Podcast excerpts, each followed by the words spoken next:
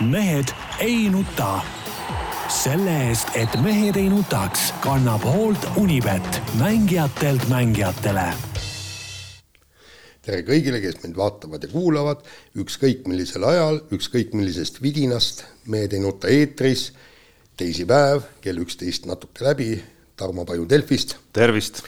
Peep Pahv eriagendina igalt poolt. tervist! Jaan Martinson Delfist, Eesti Päevalehest ja igalt poolt mujalt. nii, mis teil siin Eestis toimus, ma, ma olin Kreekas, väga hea, mingit valitsusjama ei olnud mitte, mitte midagi, bensiin oli kallis, üle kahe euro liiter, üheksakümmend viis. toidud olid see, see-eest odavamad ja odavad ja muidugi väga head ja, ja noh, elu oli lill, oleks ainult Ott Tänak ka natukene tulemust teinud, aga noh, eks M-sport käkkis jälle ära, aga sellest me veel räägime, aga rääkige, mis, mis siin Eesti, Eestis äh, toimub. kas Eesti elu on läinud paremaks, Eesti elu on läinud lõbusamaks, nagu no, pigem, kunagi Stalin ütles? pigem vist ikkagi ähvardavad äh, mustad pilved äh, Eesti, Eestimaad, mul on nagu tunne, et, et ma ei tea, mis, mis, mis edasi saab, et Jaanus Karilaid on ähvardanud ikkagi, et äh, kui äh, Mihhail Kõlvart valitakse Keskerakonna juhiks, siis tema lahkub sealt parteist, mine sa tea, võib-olla sealt on samm edasi veel üldse poliitikast lahkumiseni ja noh. Karilaid on väga okei, Karilaid on väga tore mees. see, see oleks, see oleks ikkagi väga-väga suur kaotus Eesti riigile. ei ole sinu arust? Karilaid on üks toredamaid Keskerakonna poliitikuid minu arust ei, aga. ei no ma seda ma rääkisingi sissejuhatuses. sul oli, ma nägin su jutus äh, kerget äh, iroonia võru nagu. Noh. ei, aga. kus, kus, kus sa seda. ei no kuule, no see, ma tunnen sind juba nii kaua, vaata, et ma saan väga hästi aru, millal sa räägid tõsiselt, millal sa ei räägi ja see praegu, siin ei olnud seda tõsidust ja ja muret sellest, et Keskerakond venestub. see on nagu,, see on praegu, see on väga suur mure on tegelikult. et Keskerakond venestub. Keskerakond nagu kõrvalt, kõrvalt see kõik, kõik äh, selleks, aga noh, mul nagu mure, mis saab ikkagi Eestimaast, kui Karilaid lahkub. aga noh, õnneks on ta ikkagi nagu mees annab sõna, mees võtab, et äh, kõigepealt ähvardan, et lahkun. ei, ta ütles, kui... ta ütles, et ta otsustab selle nädala jooksul. kõigepealt enne valimisi, selleks, et ilmselt siis nagu nii-öelda noh taktikalise liigutusena eh, teha nagu väikene liigutus okay,, mille, et koondada, koondada kõik valijad, kõik eh, need Keskerakonna liikmed ikkagi Tanel Kiige taha, kõigepealt ta ikkagi ütles selge sõnaga, kui valitakse Kõlvart, siis ma lahkun. Eh, ja siis, mis see oli, samal õhtul, kui ta valitigi, Kõlvart siis ütles ta, et äh, ootan, kui lahingutolm langeb ja siis otsustan ja, ja eile ütles siis, et kümme, et mingi maagiline kümme päeva. aga kümme päeva, mina nägin seda, kus ta ütles minu arust nagu, võib-olla ma mäletan valesti, et seitse päeva pidi olema, aga no okei okay.. aga, aga noh, nagu mina aru saan, et äh, tähendab, ühes asjas ma olen kindel, ma tean, mis juhtub siis, kui äh, härra Kõlvart saab peaministriks. et siis kuu-kahe pärast kaevatakse üles mitte kogu Tallinn, vaid äh, hakatakse remontima kõiki Eesti teid. no väga hea, teed korraga. saavad korda. ja teed saavad korda, eks paar-kolm aastat noh, sõita ei saa Tallinnast Tartu, võib-olla, kui siis läbi Piibe, Piibe maantee ja. mis ja, ongi väga okei okay maantee tegelikult. Piibe maantee väga tore maantee. ei, aga, aga ma arvan, et, et oleks see sõit huvitavam, äh, kasutada ise ka seda. kusjuures näiteks, näiteks mis Pärnusse sõitmist puudutab, mis teatus, teatavasti see põhimaantee on ikkagi nagu üsna crazy siis äh, väga mõnus on hakata sealt nii-öelda nagu Rapla suunas, mis asulad seal tee peale jäävad. Äh, see on küll selline nagu kümme-viisteist minutit tunde järgi öeldes on seal natukene tuleb nagu seda ajakaotust, aga, aga maantee on esiteks noh, oluliselt vähem autosid on seal ja noh, lihtsalt paned mööda loodust seal ja, ja väga äge, seal on Ei, toredaid metsatukkasid ka tee peal. oota, aga, aga ole nüüd rahulik, ma olen täiesti kindel, et, et need ka, need ka kaevatakse üles, et seal on noh, tähendab teatud piirangud, seal on iga kahekümne kilomeetri tagant on reguleerija ja kõik niimoodi. et üks, üks on nagu selge, ühesõnaga te, tegelikult. oota mul..., Kõlvart ei ole ju, ju Eesti valitsuses ju. ei, ei, ma, ma räägin, kui ta saab peaministriks. kui ta saab, on seal niisugust varianti on või? Ma hästi ei usu sellesse. ei no aga, aga miks ei ole, tähendab ühesõnaga. enne järgmisi valimisi, kust otsast? ei, ei, no aga siis järgmiste valimiste ajal, mis vahe selles on, millal need teed kinni pannakse? tegelikult ma, ma just mõtlen see, et, et kui. ei kui... no siit on loo moraal, et noh, müüge oma need madalad pätsid maha, millega te siin mõlemad sõidate, ostke normaalne kõrge auto, siis saate, ütleme, üleskauvatud teede pealt ka läbi. ei, ei, ei, aga nii tulebki no, teha, noh. no aga äh, mis sa siis nurised, ja Eesti autopark ju paraneb tänu sellele, et teed üles kaevad, sest et, sest et ma ütlen ausalt, et ikkagi siuksed noh, suuremas autos on kindlasti mugavam istuda, mõnusam äh, sõita, kõik on nagu parem ja turvalisem kindlasti. et sa ma... oma Kodiakiga ikkagi, kui teeremont on tee peal maanteel, rahulikult keerad äh, kõrval noh, üle viljapõllu näiteks on ju. kus üle viljapõllu, mina vana Äh, no ütleme siis, ära, ära, ära koristatud viljapõld näiteks, kui ta on koristatud, eks ole, ja rahulikult läheb läbi, nii nagu see, nii nagu see Kämbu, mäletad, kes äh, meil, kui me Rakverre kõndisime jalgsi, tuli sealt üle põllu oma džiibiga ja ütles, et me võime siin äh, tema loal. ja põllu peal on üldse igast asju teha, mul ükskord võtsime ühe sõbra juures napsu, see lugu juhtus küll ammu juba, võtsime napsu ja tal oli oma mingi naaberküla või sama küla mees sai ka külas, onju ja, ja, ja siis äh, võtsime napsud ära ja me siis rahulikult rooli, et kus koju sõidad, siis ah, ma lähen üle põllu, tead, et siit põllu peale võib, põllu peale sõita küll. Noh. ma jäin praegu sellega mõtlema, et huvitav, no te kõik olete ilmselt Eestimaal käies üsna suvalistes kohtades äh, sattunud, sattunud nii-öelda mõne meie kuulaja otsa, kes siis äh, juttu teeb ja tervitab ja, ja nii edasi ja nii edasi enamasti on nad ikkagi sellised äh, ütleme meesterahvad alustuseks ja, ja tihti on nad ütleme ka napsulembelised meesterahvad, nagu, nagu, jääb siuke nagu tunne jääb vähemalt noh. et, et sellele mõeldes huvitav, kas seesama Kämbu, kes lubas meil seal kuskil äh, Lääne-Virumaa servas, ma pakun kuskil seal äh, Kõrvemaa ja Tapa vahel kuskil metsade ja põldude vahel. huvitav, kas ta ka meie kuulaja on? igatahes, kui on, siis tervitame. tervitame igal juhul vot, aga, aga ega siin midagi polegi öelda, et, et vaatame, kuidas poliitjama edasi läheb, nagu ma saan aru, et Riigikogus algab suurejooneline tsirkus ja ja, ja noh, vaatame, kuidas see kõik nojah, kuidagi nad peavad ju seal seda olukorda olukorda nagu ütleme siis äh, enda kasuks nagu pöörama või noh, et midagi tegema nagu, et ei, oma tahtmist saada. ei no seal, seal oligi, eile ma kuulasin äh, huvitavat intervjuud, oli kas Kivimäega või, või, või kellega seal oli ja siis äh, hakkas tümitama seda op opositsiooni ja siis saatejuht väga hästi, et, et kuulge, et Riigikogus tehakse poliitikat ja kas te süüdistate nüüd siis tähendab opositsiooni selles, et nad teevad poliitikat, nad tahavad oma äh, oma ideid ellu viia, kusjuures kui te vaatate küsitlustulemusi, viiskümmend viis protsenti või kuuskümmend protsenti pooldab siis opositsiooni, nelikümmend protsenti koalitsiooni. et nemad seisavad Eesti rahva eest. põhimõtteliselt küll jah, antud hetkel küll on see niimoodi jah no mis ei ole siiski nagu väga ebatavaline valimiste vahelisel ajal, et lõpuks ikkagi nagu valimistega pannakse lukku need asjad aga ausalt öeldes erilist isu poliitikast rääkida ei ole, kui ikkagi ähvardab Karilaiu lahkumine, nii et lähme edasi. ja natuke on šokeeritud ka muidugi, et Peep, et Peep tema, ütleme tema fänniks osutus. ei, mitte, mitte, mis fänniks no,. otsesõnu ikkagi. Eh, mina ma saan aru, et ikkagi nagu top kolm riigimees. mina olen temaga eh, mõned korrad vestelnud. aa, no siit hakkab tulema. vestluse käigus on olnud täiesti, täiesti normaalne inimene. adekvaatne. adekvaatne, nii on nii, aga lähme nüüd spordi juurde ja käisin Kreekas ja oh, taevane arm jälle. oota, spordi juurde pidime minema? mitte reisimuljeid vahendama? ei, ma ei vahendagi reisimuljeid, kui no, enne. aga kuidas ei... muud moodi seda puhkusereisi siis nimetada? no jah. ma isegi, ma mõtlesin, vaata, ma ei ole niisugune, sihuke mölakas nagu sina, eks ole, et mm., et kui Tänakul näiteks Soomes juhtus siis enne kui ütleme tänakul ta saanud nagu seisma jääda. autost polnud väljaski. ja Jaan irvel näoga helistas mulle, no ma ei, ma, ma ei pidanud seda nägu isegi nägema, vaid noh, kujutasin ette.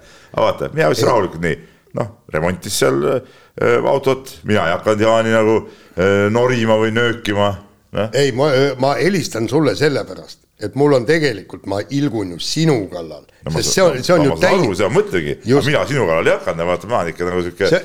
lojaalne seltsimees. see, see, see on ikka täiesti, täiesti ütleme ajakirjanikule see, kui sa, kui sa lähed ja, ja, ja Tänakul jälle juhtub ja noh, selge see, mis meel, mis tujus ta on ja nagu ta ütles, et, et kellegi heaks ma pean nüüd selle ralli läbi sõitma, see ei ole tore olla seal ajakirjaniku, aga paraku elu on selline.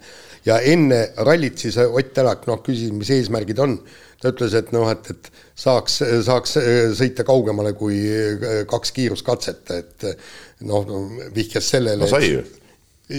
No, no ajakaotusega, ajakaotus oli ees juba. ei, kolm katset ei. sai ju.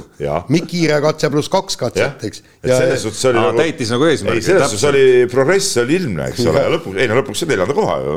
ei no nagu, nagu. seda ma imestasin, et. ole ise maailma neljas ralli. ei, seda ma imestasingi, et, et see lause, mis oli, et, et kellegi jaoks ma pean nagu läbi sõitma, et mis mõttes, neljanda koha peale tüüris ju Neville'ile tuli üldarvestuses lähemale. No, selles mõttes õnnestunud ralli. iseennast, iseenda jaoks on kellegi jaoks ju. ei no lõpuks on ka publik ikkagi, kes ikkagi miljonite kaupa on, jälgib otseblogisid, otseülekandeid ja WRC plusse ja ma ei tea, mida kõike veel.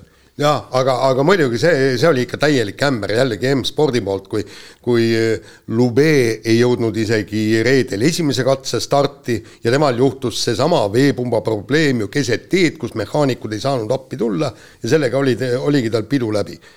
Ott Tänakul tegelikult sellega tal vedas, et, et, et see pump ütles üles rehvivahetustsoonis, kus oli üks mehaanik, oli, oli abiks ja, ja siis no nagu Ott Tänak ise ütles, mina andsin võtmeid kätte ja siis tema seal nokitses ja karistuseks kolm minutit nelikümmend sekundit, selge see, et, et see ralli oli omadega õhtul.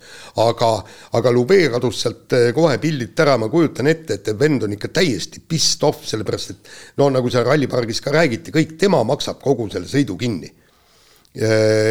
koos Prantsuse alaliiduga ja tal jälle, tal on ju kogu aeg neid probleeme olnud. Ja ta oli siis nii, nii vihane, aga tegelikult see oli ka rahaliselt talle tähtis oli, oligi see, et, et parkis auto ära ja, ja kõik, rohkem rallile ei läinud, ta oleks ju Rally2 süsteemis noor sõidumees. Kogemusi on vaja, niisugused rängad olud seal, eks, tegelikult oleks ta pidanud sõitma, aga küsimus on selles rahas, et kui ta oleks need kaks päeva sõitnud, siis ta oleks pidanud M-spordile maksma. M-spordi poolt tal jäi ju tegelikult kõva papp saamata. nagu nad räägivad, üks MM-ralli äh, maksab nelisada tuhat eurot. ja, ja ma kujutan ette, et okei okay,, Lube saab allahindlust, no võib-olla saab kolmsada tuhat, kakssada viiskümmend tuhat ta maksab per ralli. aga nüüd jäi ju M-spordil kogu see raha saamata ja ta, ta on ilmselt ennegi saanud. kulutused said tehtud ikkagi. kulutused said, äh, said tehtud ja, ja, ja see, see ei paranda mitte kuidagi selle M-spordi positsiooni ja aga noh, see ei peaks nüüd nagu Lube esmamure olema, et tema hoidis oma raha kokku, et eh, kuskil järgmine kord päris normaalne ralli saada. ja aga, aga muidugi seal, seal räägitigi, tähendab, vaata see Lube ju ütles kuskil, et M-sport kaob ära eks intervjuus, mis pärast siis sealt saidilt maha võeti ja kõik nii, ilmselt sai ajakirjanik valesti aru, ta ütles, mina ei sõida järgmine aasta enam M-spordis. miks ta peaks? Ta saab ju äh, üürida, kui ta täna ütleb, et kuulge, ma tahan teil terveks hooajaks üürida Hyundai või Toyota, ma arvan, et need tiimid on valmis öö, äh, selle auto äh, ette valmistama no,. kellel on, kellel ei ole muidugi, aga mind, mind see Ljubei teema nagu üldse ei paelu, mul täitsa ükspuhane. ei, ei see, ei see selleks, aga küsimus on ju M-spordist. küsimus on nagu jah, küsimus ikka rohkem selles, et kuidas, kuidas Tänak selle asja nagu üle elas ja, ja selles suhtes ma nagu nagu Otis küll nagu võtab mütsi maha, et, et vaatamata sellele, et ilmselgelt tuju oli paha ja ja oli raske leida seda motivatsiooni sõitmiseks, tead ta sõitis ju, ju lõpuni korralikult ja sõitis ka päris hästi tegelikult, noh päris no, hästi, isegi nagu pehmelt öeldud, et sõitis nagu hästi tegelikult ja, ja, ja hoogu sellel rallil, kui seda veepumba jama poleks olnud, no siis hoogu oli seal rallil kõvasti. no ütleme niimoodi, ma olen täiesti veendunud, vaata, et seal oligi ju kogu jama selles, et ta pidi äh, laupäeval äh, puhastama teed ja okei okay,, punkti katselda sai kahe poole sekundiga, sai Rovanperalt äh, sisse, aga ma olen üsna veendunud, et ilma selle pumba jamata oleks ta pidanud mingisugustki võitlust äh, Rovanperaga. ja, ja siis küsimus selles, et, et, et, et noh, kui kellelgi poleks mingit jama olnud, siis oleks olnud võitlus pronksi peale. Noh. no just ja, ja, ja, ja ja, ja teine asi, see, see ju tegelikult näitaski ära, eks, et äh, seesama Rovanpera oli ju esimesel päeval teepuhastaja ja jäi ikka üle paarikümne sekundi maha, jah. aga, aga panite tähele, ütleme selle ralli ikkagi kõige kõvem käpik oli ikkagi Neuvill, noh Neuvillil oli ikka metsik hoog. õudne hoog oli jah. õudne hoog oli sees jah, ütleme sellisel sellistel teedel, no mina olen neid Kreeka teid nagu suhteliselt nagu oma silmaga lähedalt ka näinud, noh, need on ikka päris hirmsad teed nagu sõita. no see, see aasta sa ei oleks ja. muide see, neid teid saanud vaatama minna, see oli ikka täiesti raju, mis see paduvihmadest oli. tähendab, seal oligi niimoodi, no okei okay,. ma ikkagi nägin inimesi raja ääres või? ei, inimesed on raja ääres küll, aga see, need olid rallipäeval, aga ma räägin, et ralli eel, eks näiteks ah,. ja, ja, ja, ja, ja seal oli, meil läks ju see Jaanus Ree tema läks vist ainsana fotograafidest vaatama, et kus kohas pilti teha, jäigi mutta kinni, ütles tund aega edasi-tagasi, edasi-tagasi, tund aega nõksutas ennast välja sealt. et, et ja need teed olid topeltrajud. Ja, ja Neuvill pani sealt nihukest gaasi ja siis muidugi jällegi juhtus tal ja, ja, ja, ja mina, ma, ma äh, kindlasti ei süüdista Neuvilli sellest, et ta äh, seal augus endal äh, vedrustuse ära lõhkus, sest see, see, see auk oli parajalt jube, on ju. samamoodi Joseel, eks ole. jah, et tegelikult need mõlemad mehed olid ikka päris päris heas, heas hoos olid tegelikult. see, et seekord nagu ei saa rääkida, et Neville'il jälle närv ei pidanud vastu, et see oli nagu õnnetu, õnnetu olukord lihtsalt. muide, mul oligi, mul oli laupäeval oli ju see päeva kommentaar oli, oli mõeldudki selleks, et, et, et kiita Neville'i, kes pigistab kivist vee välja, teeb kõik endast oleneva selleks, et, et üritada maailmameistriks tulla ja, ja lahingut lüüa Rovanperaga. aga, aga samas see Rovanpera asi on absoluutselt hämmastav, no ainuke mees, okei okay,, seal Tanis Sordo ka, aga tema sõitis, sõitis teadlikult aeglaselt noh, selle eesmärgiga, eks ta ongi kolmas sõit ja peab punktid koju tooma, nii. ja, ja, ja Romantpera ju surus ka gaasi, ta tegi ka ju kuradi meeletuid äh, sõite, eelviimane kiiruskatse no,. viimane kiiruskatse oli eriti raju veel. või, ja siis see päeva esimene oli ka ja. ju seal ja pluss veel viimane ka. ja vaata, temal ei juhtu ja kusjuures ta ise äh, küsiti ka, et, et kas sa oled õnnetähe all sündinud, ta ütles, et mis see õnn minus, mis see täht siia puutub, kui teised sõida, lõhuvad oma autod ära, eks. kusjuures ta ütles ka, ka mul oli palju momente kus oleks võinud juhtuda, aga pagan, näed, tal ei juhtunud. nojaa, aga no samas tal alles Soomes juhtus ju noh. ei, jaa, aga jutt oli just sellest konkreetselt. ei, ma saan aru küll, et noh, seda, et tal midagi ei juhtu, noh. kõigil juhtub, kuna äh, mingi rallil ikka vahest midagi juhtub. just, ei, aga tema just ütleski, et sellel rallil ja, minul ei juhtunud, kõikidel teistel juhtus ja, ja no midagi pole paraku teha, ainukene vend, kes, kes äh, teda võiks nüüd lüüa, on Elfin Evans punktide järgi, eks, aga Evans näitas juba seal ralli alguses ära probleeme tal ei olnud, aga ei olnud ka kiirust. ei olnud, seal ei olnud jah kiirust. no mitte ainult seal ei olnud, vaid väga vähe on neid rallisid olnud, kus, kus tal on see kiirus olnud, kus sa vaatad, et okei okay,, ta võiks nagu ikkagi tiitlivõitlusest võitluse teha. no, ja, no vähe on olnud no, neid rallisid. ta on võitnud ühe ralli vist see aeg jah no kui sa nagu reaalset kiirust võid, võrdled näiteks no.. nojah. ei, aga vaata. ei, ma, ma nii kriitiline ei oleks muidugi, kokkuvõttes on MM-is ikkagi MM-il teise teise koha vees praegu, noh, et ega sa ilma kiiruseta seal teisel kohal ka ei ole. tõsi, ütleme võib-olla seda, mis ütleme siin paari aasta taguse selle sõidu peal võis arvata, ütleme no päris, päris sellist äh, arengut seal ei ole nagu jätkunud, aga, aga oma mingit äh, sihukest päris kõrget taset on ta ikkagi hoidnud. muide, äh, ma tahaks märkida siin, eks, et kõigepealt tuleb Tšiili ralli, eks, kus Evans saab ka hakkama, ma olen täitsa kindel ja siis tuleb kaks asfaltirallit ja tegelikult asfaltil on ta ju päris hea olnud. mäletad, seal Aha. oli noh, ta on, ma olin seal mitte Korsikal, vaid või oli Korsika, kus ta oli võitmas seda rallit viimasel kiiruskatsel ja, ja, ja, ja refleks ja kõik, et, et põhimõtteliselt ma veel lõplikult ei kriipsutaks tema tiitlivõimalusi maha. ja ei, mingid variandid veel on, aga siin jah, oleneb, oleneb palju sellest ka, kuidas kuidas nüüd äh, seal viimasel kruusarallil ees startides äh, Roomperal äh, läheb, aga ütleme, seal ei ole see eesstartimine minu teada nii keeruline, ma olen ise Tšiilis ühe korra käinud ka.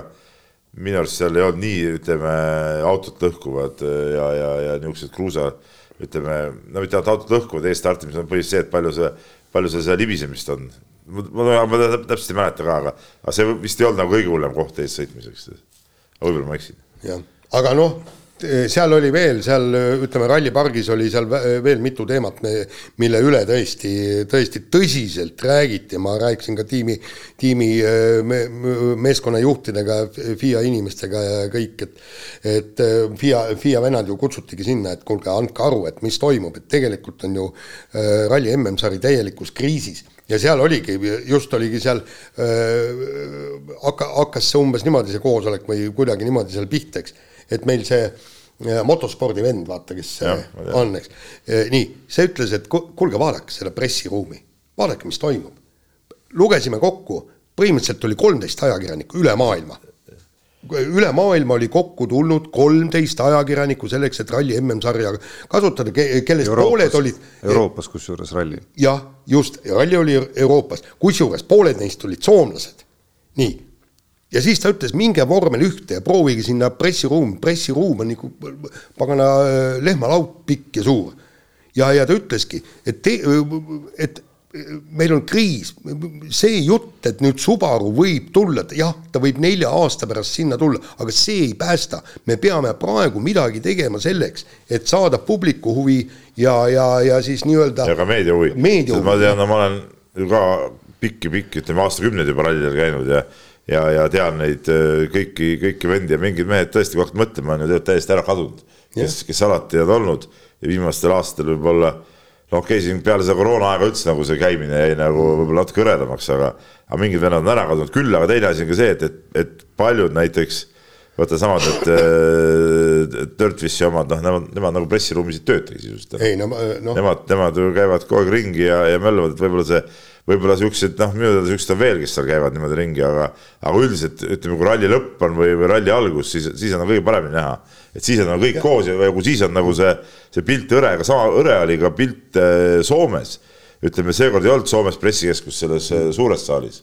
no seal oli remont, no sa tead, kus see auditoorium nagu on, vaid oli sinna taha ühte siukse no see, see paviljoni äh, ühte, ühte osas oli tehtud, seal kardinad olid vahele tõmmatud ja, ja, ja, ja Soomes teadupärast vanasti oli ju täiesti ju täis see, see, see, see, see auditooriumisaal, eks ole. no ei olnud, ei olnud üldse praktiliselt rahvast, et seal noh, tõesti on mingi paar venda, need välismaalased, kes on jäänud isegi soomlased oli vähe noh, neid oli muidugi, aga isegi neid oli vähe. oota, aga kuhu selle aruteluga jõuti siis? mõni lahendus ka kumas kuskil? jõuti kunagi kuhugi. sellega ei jõuta mitte kunagi kuhugi. Nad, varem käinud ka seda tutvustamas. seal oligi, jaa, no seal oli, tähendab see, seesama paganama auto, autospordi vend oli siis kohanud siis seda FIA presidenti, eks, noh, tema seekord meil ja oli siis temalt küsinud, et kuulge, et mis toimub. ja see oli siis ja siis noh, ta kommenteeris, ütles, et FIA on ka, tundub, et käega löönud. et see president oli siis öelnud, et et nojah, et ja et, et noh, et, et tuleks natuke asja parandada, et me oktoobri lõpus võib-olla hakkame seda asja arutama, no kuulge. rääkisin Hyundai bossiga. ja, ja tema ütles niimoodi, et esimene asi, mis meil on, on vaja kõik koos maha istuda, kokkuleppele jõuda tiimidega ja leida lahendus. et kuidas me siit edasi lähme, see, mis FIA, FIA tead, käigu kuradile. et nemad, et, et meil on kõigepealt vaja endal plaan paika panna ja siis FIA-le ette kanda. ja ta ütles, mitte ainult meie need tiimid, kes siin on, vaid tuua ka need, kes potentsiaalselt võiksid tulla MM-sarja ja ta ütles, et me peaksime olema kõikidele lahendustele Äh, avatud ja siis, siis ta hakkas seal äh, välja tooma igasuguseid noh, võimalusi, noh, ütles ka, et, et et see Rally2 auto tõesti seda täiustada äh, uus aerodünaamika peale. kui sellega oleks nõus, jess, teeme ära, seal on juba viis tiimi olemas. järgmine, kui tahetakse seda paganama akude pealt sõita, elektriga sõita, okei okay,, ma olen nõus, teeme niimoodi, et igal rallil on kaks-kolm kiiruskatset pluss punktikatse lühikesed katsed pluss punkti katse, kui me sõidame akude õhul.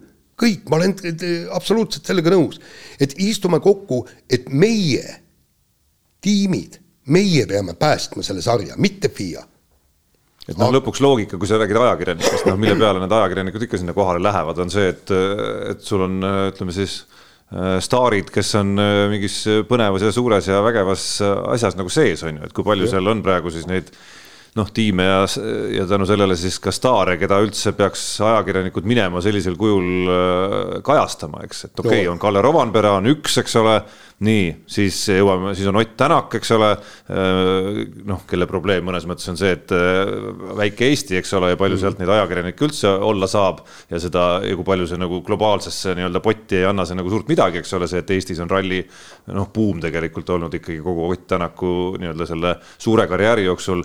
noh, ja siis on Terrine Vill on veel väärib mainimist, ma ei tea, kui ma kahtlen, et selles riigis, kus on jalgpall A ja O ja siis on veel ports asju, et noh, et seal see ralli nüüd nagu noh, küündib ikkagi mingist piirist üle, eks ole, et seal suured meediaväljaanded üldse nagu kajastavad seda võrdväärselt noh, näiteks kasvõi sellesama jalgpalliga, eks. ja ongi kõik noh, Ogier sõidab seal oma poolikut programmi, siis ei ole tema enam see Ogier on ju mm., no Briti meediat vaevalt Evans huvitab ja, ja nii edasi ja nii edasi, no, no suures pildis, eks. Prantsusmaalt oligi ju ainult see autohebdo mees, mees oli kõik ja, ja kusjuures no, mis on niši, mis on nagu suures plaanis ja, nagu nišš, eks ole, ma arvan, Le Quip'i ma ei tea, millal sa nägid rallil viimati. rääkisin äh, temaga Soomes, ma selle prantslasega saan, saan võib-olla isegi kõige paremini läbi nendest või noh, kõige rohkem räägime omavahel seal nendest ja, ja, ja noh, ma ütlesin ka, et näe, ma see aasta rohkem ei tule, eks ole, et mul on seal need muud asjad, et järgmine hooaeg jälle näeme ja siis ta ütles, et tal on ka suhteliselt keeruline, et, et rahaliselt on keeruline, et, et et ei, ei saagi ja ta on see aasta mitu rallit vahele ka jätnud, et, et ei ole ei ole ainult meil niimoodi, et toimetustel on keeruline, vaid, vaid ka seal on, ütleme. absoluutselt, noh, meediaäri, kui see ei ole, ei ole valdkond, kus, kus nüüd nagu tohutu õitseng on nagu käsil parasjagu. nii, ja, ja siis ma tegin ralli eel tegin loo, et kakskümmend aastat sai mööda Marko Märtini esimesest ehk siis Eesti rallisõitja esimesest MM-etapi võidust. ja tead, kui ma lõin selle, selle lahti Vikipeedias on ju selle, selle Kreeka ralli kaks tuhat kolm. seitse maailmameistrit Marko Märtiniga, Mäkinen, äh, Sainz, Solberg, äh, McRee, Oriol ja siis see noh, teine inglane, see Burns, Burns, Burns, Lööb, Lööb oli ka seal, kakskümmend üks kakskümmend üks äh, autot stardis ja kõik oli Armin Schwarzi, Žil Panitsi, kõik ja. olid nimed, kõik olid need vennad, kes on võitnud ja, ja olid võimelised ja. võitma neid MM-etappe ja, ja selle pealt nüüd see Marko Märtin tuli ära. vaatan edasi, juunior WRC, mingi viis-kuus tiimi ja siis oli kõvasti. seal oli kõvasti tiimi, seal oli mingi kolmkümmend juunior WRC äh, autot, rääkimata sellest N-grupist ja, ja, ja kõik noh, see, see oli teine maailm. see oli teine maailm ja vaata siis oli ütleme, see asiotaaž oli ka hoopis teistsugune, no vaata. just. olidki samad, no jälle võrdleme seda ajakirjanike tööd no,, aga, aga, aga siis, kui tulid, ütleme sinna äh, meediatsooni ja autod sõitsid sisse, eks ole, siis oli niimoodi, et sa ei saanud alguses ligigi nagu sinna selle, sealt pistsid selle käe kuskilt kaugelt sealt oma diktofoniga ja siis tegelikult ei kuulnudki, mis seal räägiti, eks ole no,. pärast diktofoni pealt kuulasid, mis jutt üldse oli. ja seal oli süsteem ja. oli te teistsugune, eks, et, et seal oli nagu esialgu istus sa, sõitja istus seal autos ja siis ja, need esimesed intervjuud tehti, seal oli kümme inimest öö, oli troppis ja kõigi ja siis no Marko Märtin, siis ta tuli autost välja, jõudis sulle paar-kolm lauset seal öelda, eks, et noh. nojah, ja ma võtsin selle listi vastu, vaata nii-öelda ette siin ka vahepeal, et võta, võtad, vaatad riike ka siis, kus need staarid kõik on ja saad sellise geograafia nagu kokku ikkagi, et, et noh, Soome, Eesti nagunii ja siis on seal kõik Hispaaniad, Suurbritanniad, Prantsusmaad, kõik, kõik on kohad, kus on nagu põhjust väga suureks meediahuviks, Norra oli ka veel toona Solbergiga. no Itaalia oli ju ja kõik, oli vist Itaalia ei ta ei. seal tol hetkel ei paista ah, siin jah. enam Itaalia piloote, aga. jah, aga, aga no kasvõi see, et, et seal on sakslased ja, ja kõik, kõik need noh. nii on, lihtsalt kehva on selle juhu no hea uudis on muidugi see, ma lihtsalt markeeriks ära, et äh, ma ei tea, kas teid see üllatas, aga või kas kedagi üllatas, aga ma arvan, et see kinnitus Ott Tänakult avalikult, et ta kindlasti soovib jätkata karjääri ikkagi WRC sarjas, oli nagu ja, posi positiivne areng ikkagi. päris äh, kindel selles ennem jah, jah. et need kahtlused, ütleme, telgitagustes ei olnud küll nii tugevad üleval, nagu siin võib-olla mõnel noh, eelmisel aastal eelkõige siis, kus siin äh, noh, nii-öelda isiklikud teemad olid kuskil natuke kuskil seal taustal, millest äh, ütleme siis noh, teati, aga millest avalikult veel ei räägitud, nüüd on sellest avalikult äh, Ott Tänaku perekond ise ka rääkinud ja, ja noh, ilmselt sealt tasub siis otsida ka seda põhjust, miks asjad täna on nagu nii-öelda selles vallas kõik paremad ja, ja seda küsimust võib-olla ei olegi põhjust nii teravalt siis küsida, et kas üldse. Aga vahetame teemat ja ega teema nüüd lõbusamaks väga ei lähe. Eesti jalgpallikoondis tegi Euroopa meistrivõistluste valiksarjas kodus Rootsi vastu no ikkagi nagu äraütlemata masendava etteaste, et äh, Rootsi vastu null viis, suurim kaotus, mis Eesti on koduväljakul eales saanud. mis läks valesti ja, ja noh, vist peab alustuseks ka küsima, et, et kust üldse selline ohjeldamatu paduoptimism tuli, mida siin ikkagi levitati no ikkagi nagu täiel rinnal, olgu siis noh, ma saan aru, mängijad ise ja koondised peavadki olema optimistlikud ja minema võitma ja, ja noh, kõik see on nagu loogiline, aga ka, ka nagu ümbruskonnas ja, ja meedias sellist üldist vaibi vaadates, siis tundus, et natukene vist realismitaju oli nagu ära kadunud kuni selleni välja, et et ma juba sel hetkel kergitasin kulmu natukene, kui oli siis, mis ta oli, reedene Terevisioon ja seal oli Kasper Elissaar, Sokkerneti peatoimetaja, andis intervjuud, tõsi küll, muudel teemadel, Saudi Araabia ja ja kõik need rahateemad ja staaride sinna minek ja siis lõpetuseks Juhan Kilumets küsis ka, küsis ka siis nagu õhtuse või järgmise päeva mängu kohta ja no sealt tuli nii võiduootus kui ka lõpulause, et ja tsiteerin praegu, kodune jalgpall õitseb oota, vaata, ma küsin seda, see ei ole kõige suurem kaotus Eestil kodus ju. no nii nagu reklaamitakse seda. Vähemalt mina... ametlikes mängudes. vot ametlik, mina mäletasin väga selgelt seda mängu, ma otsisin praegu välja, kui äh, Eesti kaotas Soomele null seitse Kadrioru staadionil, aga see oli, praegu ma tahtsin seda sõprusmäng, aga niimoodi öeldakse. oota, aga stopp, mikspärast oli see optimism põhjendamatu? vaata, mina olin ise ka staadionil, aasta oli üheksakümmend kuus.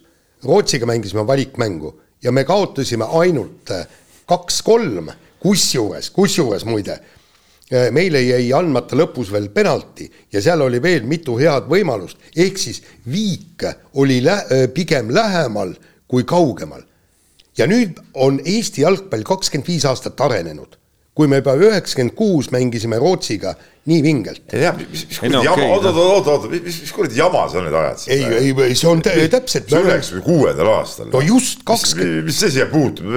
kuule, ei, mis, mis sa täitsa segast juttu see ei ole nii, et siis ma ei tea, kakskümmend aastat tagasi võitsid kedagi või kakskümmend viis aastat tagasi ja siis ootad ja siis, siis sa selle pealt lähed nüüd vaata, vaata, no tõesti, toona või kolmekümne seitsmendal aastal võitsime neid, eks ole ja nüüd lähed sellele mängule, kuule, et ei, me olemegi enam võrdsed, no see on täitsa, see on täitsa nõde jutt, mis sa räägid. Noh.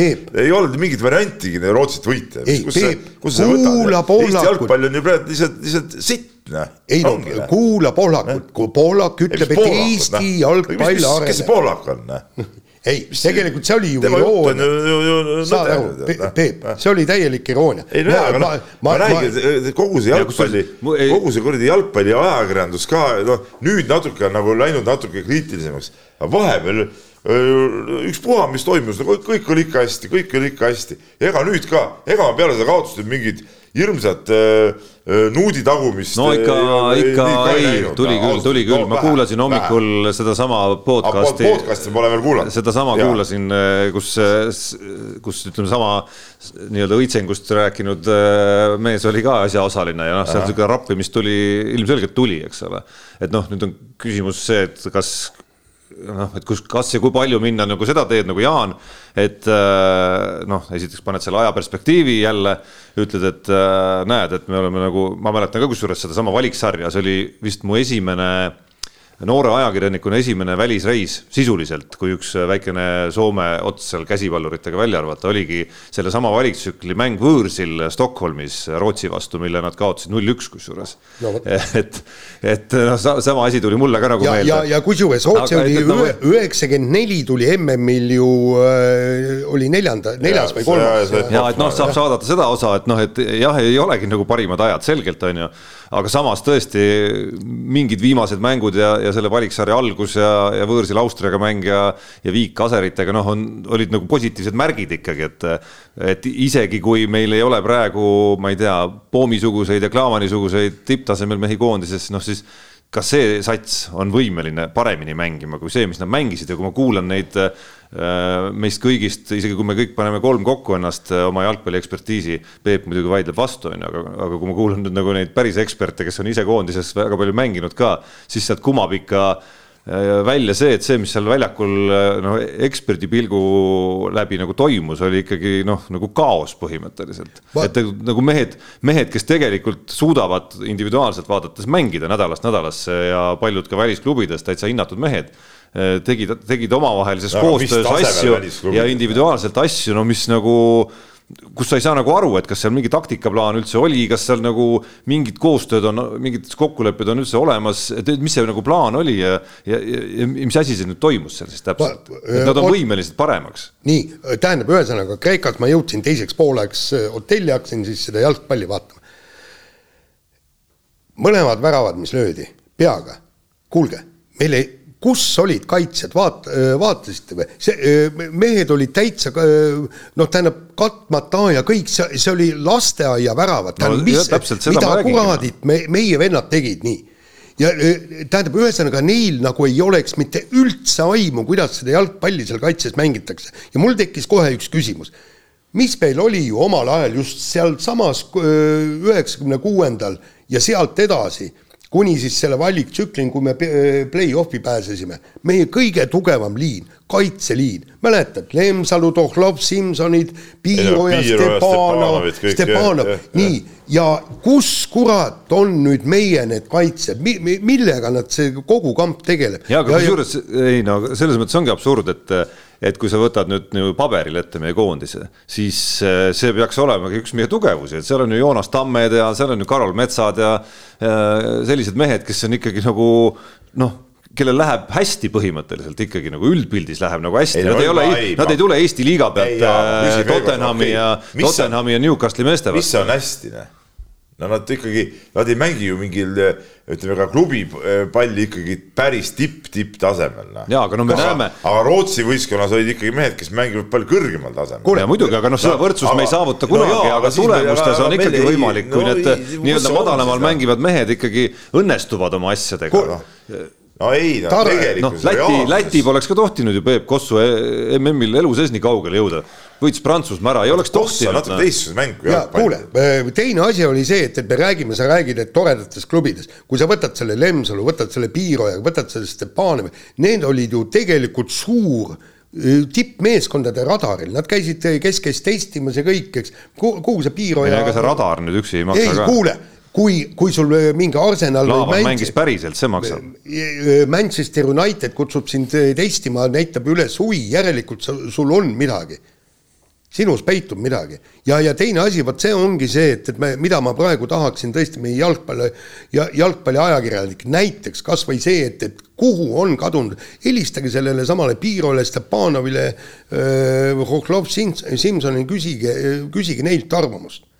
et, et see oli minu meelest, see on täielik, vaata, meil tõi ju see noor reporter Heigo ju tõi need kuvatõmmised ka ära esimese värava puhul et, et, et kus oli meie kirjutas, et ka tormikud oleks olnud paremad kaitses. et, et, et seal tõi pildid ära, mida meie kaitsjad selle värava puhul tegid ja ütlesid, et tõesti, pane sinna e, need e, herni hirmutised, löö sinna maasse sisse ja ma arvan, et sellest on palju rohkem kasu. ja kus on meie ründajad, mitte ühtegi, null null lööki värava ei no mis sa nüüd ründajatest räägid, see, et nad, et need ründajad löögini jõuaks, noh, ma arvan, on nende ründajate endi teha nagu kõige vähem antud juhul. kümme korda. kui me oleme sellise surve all kogu aeg ja, ja tegelikult ei suuda üldse mingit mängu üles ehitadagi no,, rootslased tulid ikkagi ja, ja noh, võimalik, et, et selle pealt, et neil viimasel ajal ei ole väga hästi läinud selles valiksarjas, ma, mul on tunne, et nad tulid, nemad tulid ikkagi nagu meid, tulidki maa alla lööma meid no, ja survestasid meid algusest lõpuni ja tulemus oligi käes. no aga see oli ette teada ju, see oli ju ette teada, mis noh, ma saan aru, et, et kui. see võit väga vaja, loogiline no,.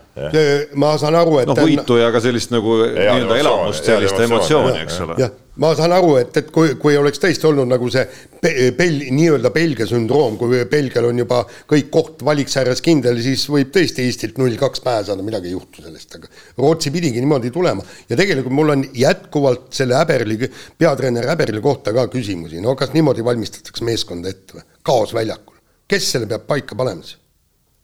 no kaos väljakul võib muidugi tulla, ütleme nii, et, et treener valmistab ette küll, aga kaos ikkagi on aga, aga selge see, et noh, see noh, see Häberli, Häberli nüüd ütleme, kui, kui õige mees või kui kõva mees see seal peatreeneri koha peal on, ega siis selle kohta on siin ju kogu aeg väikseid küsimusi olnud tegelikult. no just. seda on nagu raske hinnata. no täna on Belgiaga mäng. Äkki üllatavad? jah ma pean, ma pean muidugi siin... ütlema, et, et mul oli siin... selle Rootsi mängu üldse omaette värk, ma pidin alguses koha peal vaatama minema, aga aga siis äh, ei saanud minna, tuli üks, üks muu üritus, mõtlesin, et okei okay,, ürituse käigus, et, et panen siis äh, telekast mängu. Ma unustasin ära, et telekas ei olegi mängu ju noh. no ma tegin sama asja, esiteks, esiteks mul oli üks perekondlik oleng nagu samal ajal täpselt no,, nii et ma nagu natuke isegi, natuke isegi nagu läks äh, peast nagu ära, et see mäng toimub. Äh, kuni ma sain siis telefonisõnumit selle kohta, kuidas, äh, kuidas see mäng lõppes. Ja siis noh, kasvõi selleks, et põhimõtteliselt kursis olla, siis ma järgmisel päeval vaatasin, äh, vaatasin selle ikkagi nagu esimese poole eriti hoolikalt ja teist natukene nagu hektilisemalt vaatasin üle. ja noh, esimese hooga läksin ka Läksin äh, oma siis nagu teleka, haarasin oma Telia puldi kätte, läksin äh, scroll isin sealt ETV, no vist kahe, ETV kahte vist läksin otsima ikkagi ja. nagu eelmise õhtu kava ja siis vaatasin, ah okei okay,, no muidugi ja siis okei okay,, no see on väike detailikene. ei no kuna, kuna mul oli ka saunaüritus, siis mul saunatelekas ongi olnud ETV üks, kaks ja ETV pluss, aga muud muud ei näita, ma ütlesin, ai väga mõnus, et oleme siin ja vaatame siin tead selle mängu ka ära. aga no okei okay,, minu jaoks ei olnud nagu keeruline teine pult siis appi võtta ja, ja selle Viaplay äpi peale vahetada välja, et aga lugu oli samasugune põhimõtteliselt. ei no mul, mul on ka Viaplay, ma räägin olemas, aga see lihtsalt, et, et kuidas ma oleks suutsin jälle ära unustada, et seda ei ole olemas seda mängu, nii, aga. no ei no häberlist, no ma ütlen, noh, üks küsimus, mis minust aina rohkem võib-olla ka tekib, on see, et noh, häberli hästi kaljukindlalt äh, hoiab minu arust ju ka kinni nagu mingitest põhimõtetest, ütleme seal koosseisu osas on ju. et noh, see esimene värav oli eriti selline noh, üsna markantne olukord, mismoodi sellest äh, torbikust nimega Konstantin Vassiljev antud olukorras siis äh,, siis noh tema see torbiku moodi seismine seal sisuliselt ära kasutati, eks, et ja lõpuks mängis ta siis kaheksakümmend pluss minutit selles kohtumises, kus mäng oli nagu läinud, on ju. et kas seal natuke ei ole see hetk ka jalkakoondises, kus võiks nagu julgema pilguga hakata ikkagi nagu tulevikku vaatama ja, ja seal Shane'idele ja Dunjovidele rääkimata Poomist, kes noh, ei ole nii noor ka, aga kes ikkagi reaalselt mängib täitsa nagu noh, okei okay, liigas ja elu parimat hooaega on ju, anda ikkagi nagu rohkem ja ehitada võib-olla siis nagu mingi pikema vaatega seda, kogu seda pilti nagu üles. no. Sellega, sellega peab nõus olema, jah. Nii, aga lähme aga noh, edasi. no,. aga noh, hommikul meil ja siiski, siiski, siiski ja, et mul tuli meelde praegu, mis ma hakkasin korra juba ütlema, et tuli ka hommikul koosolekul jutuks äh, ikkagi see õhtune kohtumine loomulikult äh, sporditoimetuse teemade juures eriti ja siis meil peatoimetaja ikkagi äh, oli väga optimistlik, üks-üks, nii et ma arvan, et me peame kõik ikkagi väga uskuma. mis asja? Urmo või? Urmo, Urmo, nii et, et jok, ma ikkagi, ma ikkagi loodan, et äh, äkki peaks, ma olen paar eripanuse teemat nagu sisse pannud, et selle üks-ühe peaks ka veel eraldi panema. alkomeetrid on töös või? Pärast lähed tagasi, mine kontrolli, ma, aga ma tahan ka pärast toimetust läbi. aa, sa tuled, korraldad ise? tuleb korraldada ikka puhumis, puhumisreid, ütleme, kui, ei no kui niisugust juttu, ütleme, ma võin ka mõnikord nagu ütleme, joovastavad jookide mõjul nagu ulja peaga eh, mingisuguseid uljaid pakkumisi teha. aga kui tulebki, mis me siis teeme? noh ma olin ka üsna, ütleme, et ma olin. ütleme, et näe, üllatus kurat. ütleme, ma olin ka, ütleme umbes sarna, umbes sarna, sarnasel moel nagu sina praegu, olin üsna irooniline, aga mõtle, kui tuleb. aga ma tean, ta käib aeg-ajalt käib äh, seal kord aastas käib poolakuga lõunal, kas ta äkki poolakuga just lõunal käinud või? ei, hommikul. ei no eelmisel õhtul näiteks või no eelmisel päeval, et no sealt nagu need järelmõjud nagu Lum, lummuses. muide, Tarmo, lihtsalt, lihtsalt huvi pärast küsimus, kas toimetuse juhil on alkomeeter olemas, mäletad Õhtulehes? toimetuses on. on jah? personaliosakonnas peaks olema ah, minu teada. aga mäletad kunagi õhtu.... aga kas see on ka ütleme nagu pidevalt nagu kalibreeritud, et, et, et ta on nagu õige?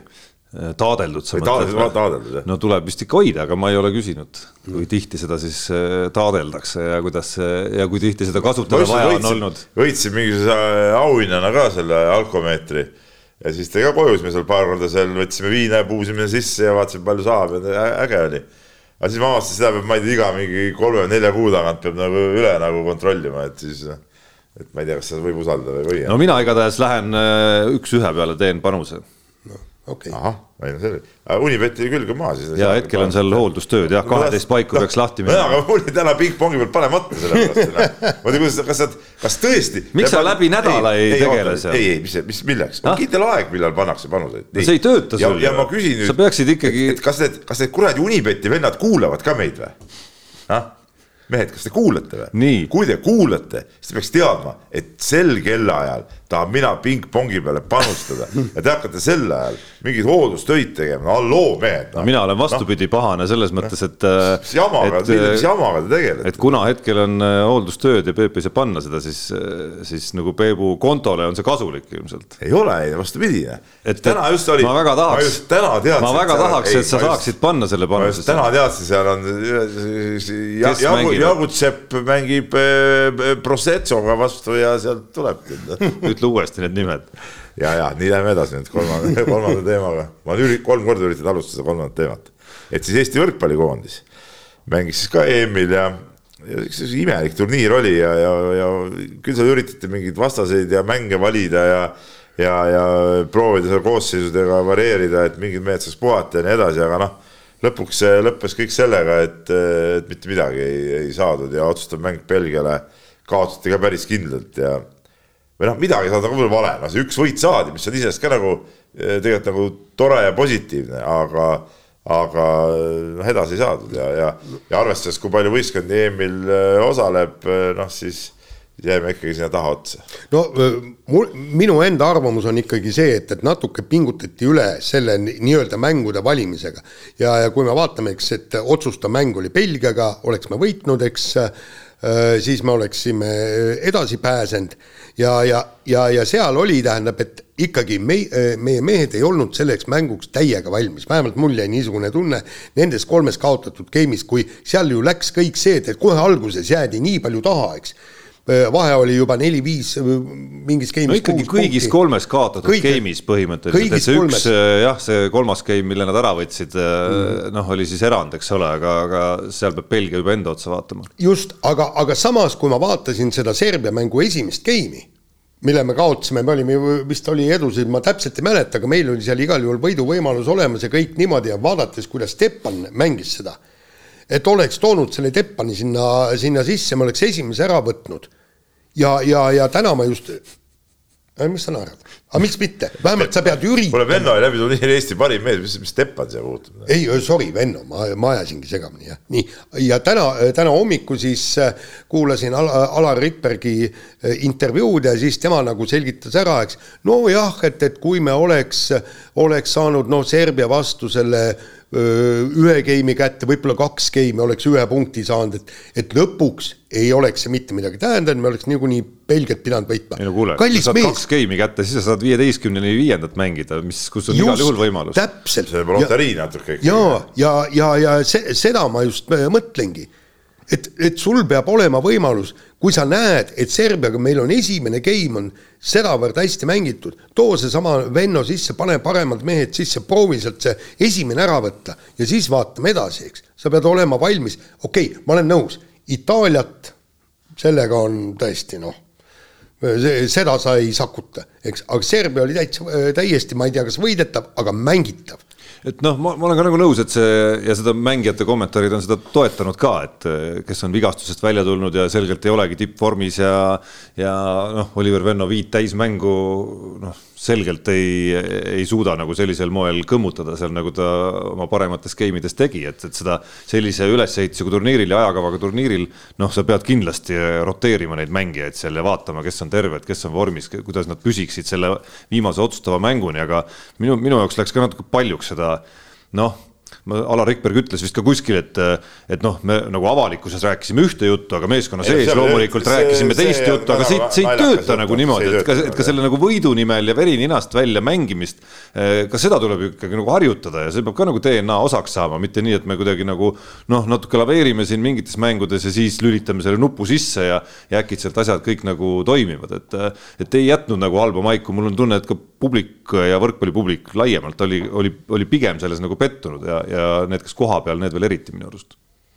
jah, ei, no täiesti nõus, no ütleme see, aga samas noh, tervikuna me, me võime siin varieerida koosseisuga või rääkida sellest, aga noh, kui me mõtleme nagu tervet seda mängulist taset nagu nüüd, et noh. no kui müür oleks ikkagi ees, ütleme mingites, top kahe Euro, Euroopa top kahekümne müür on päris suur. sinna tahtsingi jõuda, et mingil levelil ikkagi me jääme nagu selgelt alla, ütleme mingitest eh, võistkondadest ja, ja kui kunagi, kui ma õigesti mäletan, siis kui Avo Keel jõudis oma koondisega EM-il siis vist veel kuusteist võistkonda, eks ole, mängisid sa tõesti seal nagu, nagu päris tipus, siis ütleme praegu ka see, see, see joon ikkagi selgelt nagu tuleb välja, ütleme, need tagumised satsid on selgelt nõrgemad ja need tipud on, on selgelt tugevamad ja me praegu paraku oleme seal ikkagi selles nõrgemas ehk tagumises osas, et meil ikkagi praegu sellist taset selles koondises ei ole, mis lubaks üldse sinna, sinna kuskile kõrgemale jõuda. et jah, kuskil seal Belgia juures juba ikkagi selgelt tuleb mingisugune sein ette. jah, jah. rääkimata siis suurematest. okei okay,, aga. aga, aga jah, noh, kust see tuleb, on nüüd nagu noh, eraldi arutelu koht ja, ja ega see pilt, kui sa nüüd ka edasi vaatad, ei ole ju nagu selles mõttes liiga roosiline, et, et meil on päris palju mängijaid koondises, kes noh, on ikkagi kolmkümmend pluss vanuses, kus, kus on raske näha, et nad hakkavad arenguhüpet tegema, pigem hakkavad seal koondisega, pigem hakkavad koondisega, alustatakse ilmselt koondisega ja siis üldse hüvasti jätma mänguga ja kas sealt alt väärilisi asendajaid äh, tulemas on, on küsimus number üks, eks ole, sidemängija teema oli, oli, oli nii nagu naistekoondise puhul, ka meestekoondise puhul no, ikkagi no, nagu tõsta, väga suur. kõikusid ikka väga kõvasti jah, midagi pole, ebastabiilsed sidemängijad mõlemad. ja, ja tegelikult praegu, nagu ma saan aru, ikkagi põlvkonnavahetus põlvkonnavahetus ootab ees ja kõik, aga muide sidemängijatega ma äh, hakkasin peas läbi laskma, tegelikult peaks ju Võrkpalliliit praegu äh, nii-öelda hakkama kasvatama äh, sidemängijat ja vaata seal äh, kunagi ka, oot-oot-oot-oot. kas Võrkpalliliit peab kasvatama sidemängijat? oota, just, tähendab paremad noored sidemängijad, paremad mängijad tuua laagritesse. vaata, seal ju korraldati, ma ei mäleta, kas see oli jalgpallis, oli ka võib-olla korvpallis. kui, kui, kui teatud. ei, oot-oot-oot mis, võrkpalliliit, ega võrkpalliliit ei saa siis kedagi kuskil tuua midagi teha? tuua neile, panna need eritreeningud parimatele noortele võrkpalluritele, käivad kord kuus, käivad nädalavahetusel laagrites, kus neile antakse harjutusi ette, kus need parimad no,, parimad. või mängivad hooaja keskel ju nädalavahetused, võrkpalli mängitakse ainult nädalavahetused. no siis koolivahe, võta siis kasvõi nagu klubides käima, Jaan. ja, ja aga, aga eh, sa näed, et klubides töö ei toimi, me peame kuidagi lahenduse leidma, et me saaksime ükskord korraliku sidemehe pärast Aavo keelt. jaa, niimoodi need asjad ei käi. no kahjuks no,. niimoodi need asjad ei käi, see on nagu, see on sihuke mingi ebareaalne idee, mida sa siin praegu välja pakud. Noh. no sellesse mul ei ole usku, jah. okei okay,, kuule, aga vaadake, vaadake, mis aeg edasi. on ja, ja kütame, kütame siis edasi ja, ja poisid, ärge nüüd. nüüd alles hakkab aega kuluma. ja just, ärge liiga palju äh, seal peatuge äh,. korvpallis maailmameistriks krooniti äh, Saksamaa ja nagu ma saan aru, tegelikult peaks nüüd olema niimoodi, et Saksamaa meistrivõistlustel, kes saab esimeseks, võib end kuulutada world champion'iks. ehk siis see kindlasti mitte NBA, kes ei saanud medalitki. no sellest need äh, rumalad kossumed pole siiamaani aru saanud, mida, mida seal tegelikult see äh, sprindi maailmameister ütles, aga no see, ma ei viitsi seda teemat uuesti hakata ja. enam. kuidas nii juhtus? aga, aga Kossu MM iseenesest oli ju tegelikult ikka äge, ikka väga, väga äge turniir oli ja, ja ja ütleme meie vaatest, ütleme, vaatame siin Privatika vaatest, eks ole, viies-kuues koht, noh, väga, väga võimas, ma ei tea, kes eile sattusite nägema ka lätlaste koju jõudmist, mis seal no ka väga suurejooneline kõik, noh, oli, oli seda väärt, et noh, ja, ja kui me vaatame nüüd, kes siis nagu võitsid, noh, okei okay,, ma ütlen, mina finaalis olin Serbia poolt loomulikult, aga aga, aga mul oli hea meel, et, et noh, see, see nõme korvpall, mida mängiti pronksimängus, et see oli ikkagi pronksimäng, mitte finaal. kas sa pronksi, lihtsalt uudishimu küsimus, et kas sa pronksimängu suutsid algusest lõpuni vaadata ka? Ma tunnistan. või sa ma... ei saanud otse jälgida ei, seda? ei, ma vaatasin küll otse, aga ma ei näinud esimest veerandaga, alates teisest veerandast, jah mõtlesin vahepeal sinu peale, et ja. huvitav, mis pilgu ja tundega Peep päris, seda äh, mängu vaatab, kus kolm esimest veerandaga mängiti sihukest, ütleme NBA päris, põhiturniiri. Äh, päris hirmus oli. sihukest NBA põhiturniiri, sihukest tavamängu, ei lõpus oli teine asi kohe. ja kõik see, kuidas lisaajale veel viidi ja noh, see oli nagu sihuke nagu, seal oli nagu sihuke äge see moment, et ja no ma olin selgelt ka Kanada poolt loomulikult seal ja mulle väga sobis see, et Kanada selle, selle pronksi kätte ja aga see jah, mis seal toimus, mida ma räägin, teine, kolmas veerand, aga no see oli ikka täitsa õudne, see oli ikka nii õudne, et noh, noh, sellepärast me seda Ameerika korvpalli nagu ei armastagi jaa, aga see, seesama Ameerika korvpall on ennast näidanud ka, ka nendel samadel turniiridel äh, nagu erinevast küljest ikkagi, et sa mäletad ka, Peep, neid turniire, kus, äh, kus vahepeal noh, MM-idel on pidevalt see teema, et nad ei saada sinna, USA ei pane kokku, ei ole suutnud kokku saada sinna ikkagi nagu Lebron ja.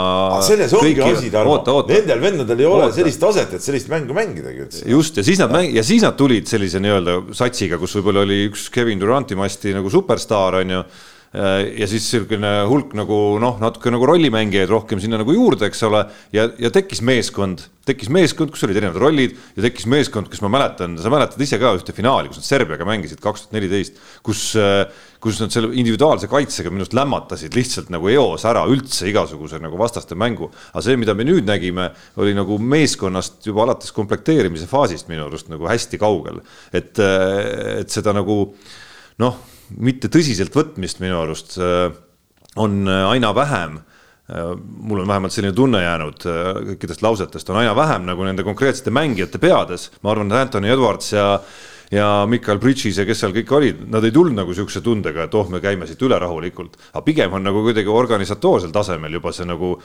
üleolevus, mis sõnades on kadunud ammu juba, kõik on aru saanud, et nii lihtne see ei ole, aga praktikas ei ole suudetud midagi muuta, et ei, ei suudetud seal panna püsti mingit programmi, et äh, natuke pikemaajalised pühendumised tuleks äh, koondise suvele näiteks, et näiteks juba eelmisel aastal äh, nendel Ameerika meistrivõistlustel oleks siis olnud kasvõi nagu mingi osa sellest satsist juba platsis, aga mängiti seal hoopis G-liigi meestega. ja, ja treener samamoodi juba ja et hakkaks mingisugust nii-öelda järjepidevust nagu ehitama, et. et no ja, ja, ja seesama komplekteerimise teema ka, et, et noh, minu arust see Saksamaa võidu, eriti Saksamaa võidu võlu ja mina, mulle väga meeldis Saksamaa võit.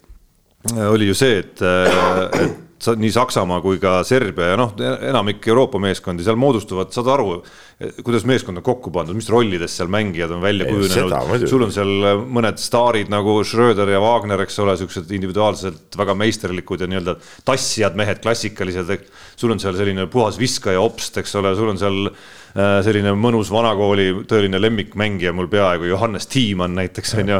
Äh, pikk äh, neli, kes suudab kaitses mängida Milutinovi vastu ja ise visata otsustava kolmese sisse, Johannes Voigtmann. siis Isaac Ponga, kes igas otsustavas mängus pani paar otsustavat kulpi, mängis vastast ühe parema mehe vastu head kaitset ja siis sopsas veel mitmes mängus tähtsa kolmese ka veel sisse ja nii edasi ja nii edasi ja nii edasi. ja noh, selle USA puhul sa ei saanud tegelikult aru, et et ütleme, oli Edwards ja oli seal veel mõni mees, kes positsiooni mõttes mängis mingit rolli, aga, aga kuidas see kõik nagu kokku oleks pidanud nagu kõlama, jäi nagu väga segaseks ikkagi, et nii, nii süstemaatiliselt ju ka taktikaliselt mängiti neid pidevalt üle, et jah, mängime seda hurraad, kõik vahetavad kaitses, mille peale Euroopa satsid ikkagi kogu aeg leidsid üles ühe nõrga lüli ja ründasid seda. ei, seda muidugi, see kõik on on selge, aga nojah, no ma ei ole nagu Schröderi nii-öelda talendi austaja kohe mitte ühestki otsast, aga ta ei meeldi mulle üldse kohe. isegi mitte mänguliselt, vaid, vaid nagu ole, olemuselt nagu ei sobi mulle üldse see mees. juba seepärast ma polnud Saksamaa poolt, et, et aga. mulle, kusjuures isegi ja. sina võiksid tunnistada, et, et, et ta võiks olla hakanud nüüd meeldima ikkagi sest see Schröder, kes. ei, ta meeldis mulle Lätiga mängus, kui ta lihtsalt näitas, näitas kõike seda jura, mida üks, üks NBA mängija võib nagu. sa nüüd. Nagu näidata. ja, aga sa nüüd teed järelduse selle ühe tema ebaõnnestunud mängu ei, peale, kui tegelikult ei, tegi ta väga hea turniiri. ma ei tee sellest mingeid järeldusi, aga siis ta mulle meeldis, ma olin ju tulihingelised Läti poolt ja mulle väga meeldis, kui ta seal käkerdas ja, ja plätserdas ja tegi, no okei okay,, finaalis jah, ta tegi. ei no ta on paari aastaga tohutult küpsenud nii no, NBA-s kui ka Saksamaa no, koondise kaptenina. no on, aga. et ta on selle koondise tugitala, me peame kusjuures täna tänama teda ka eh, valiksarjas eh, valiksarja esimeses faasis eh, oli meil vaja ju viimases voorus, et Saksamaa võidaks Poolat, oli vist, kui mul mälu nüüd ja, ja. ja Schröder oli see, kes selle ära tassis, selle mängu seal.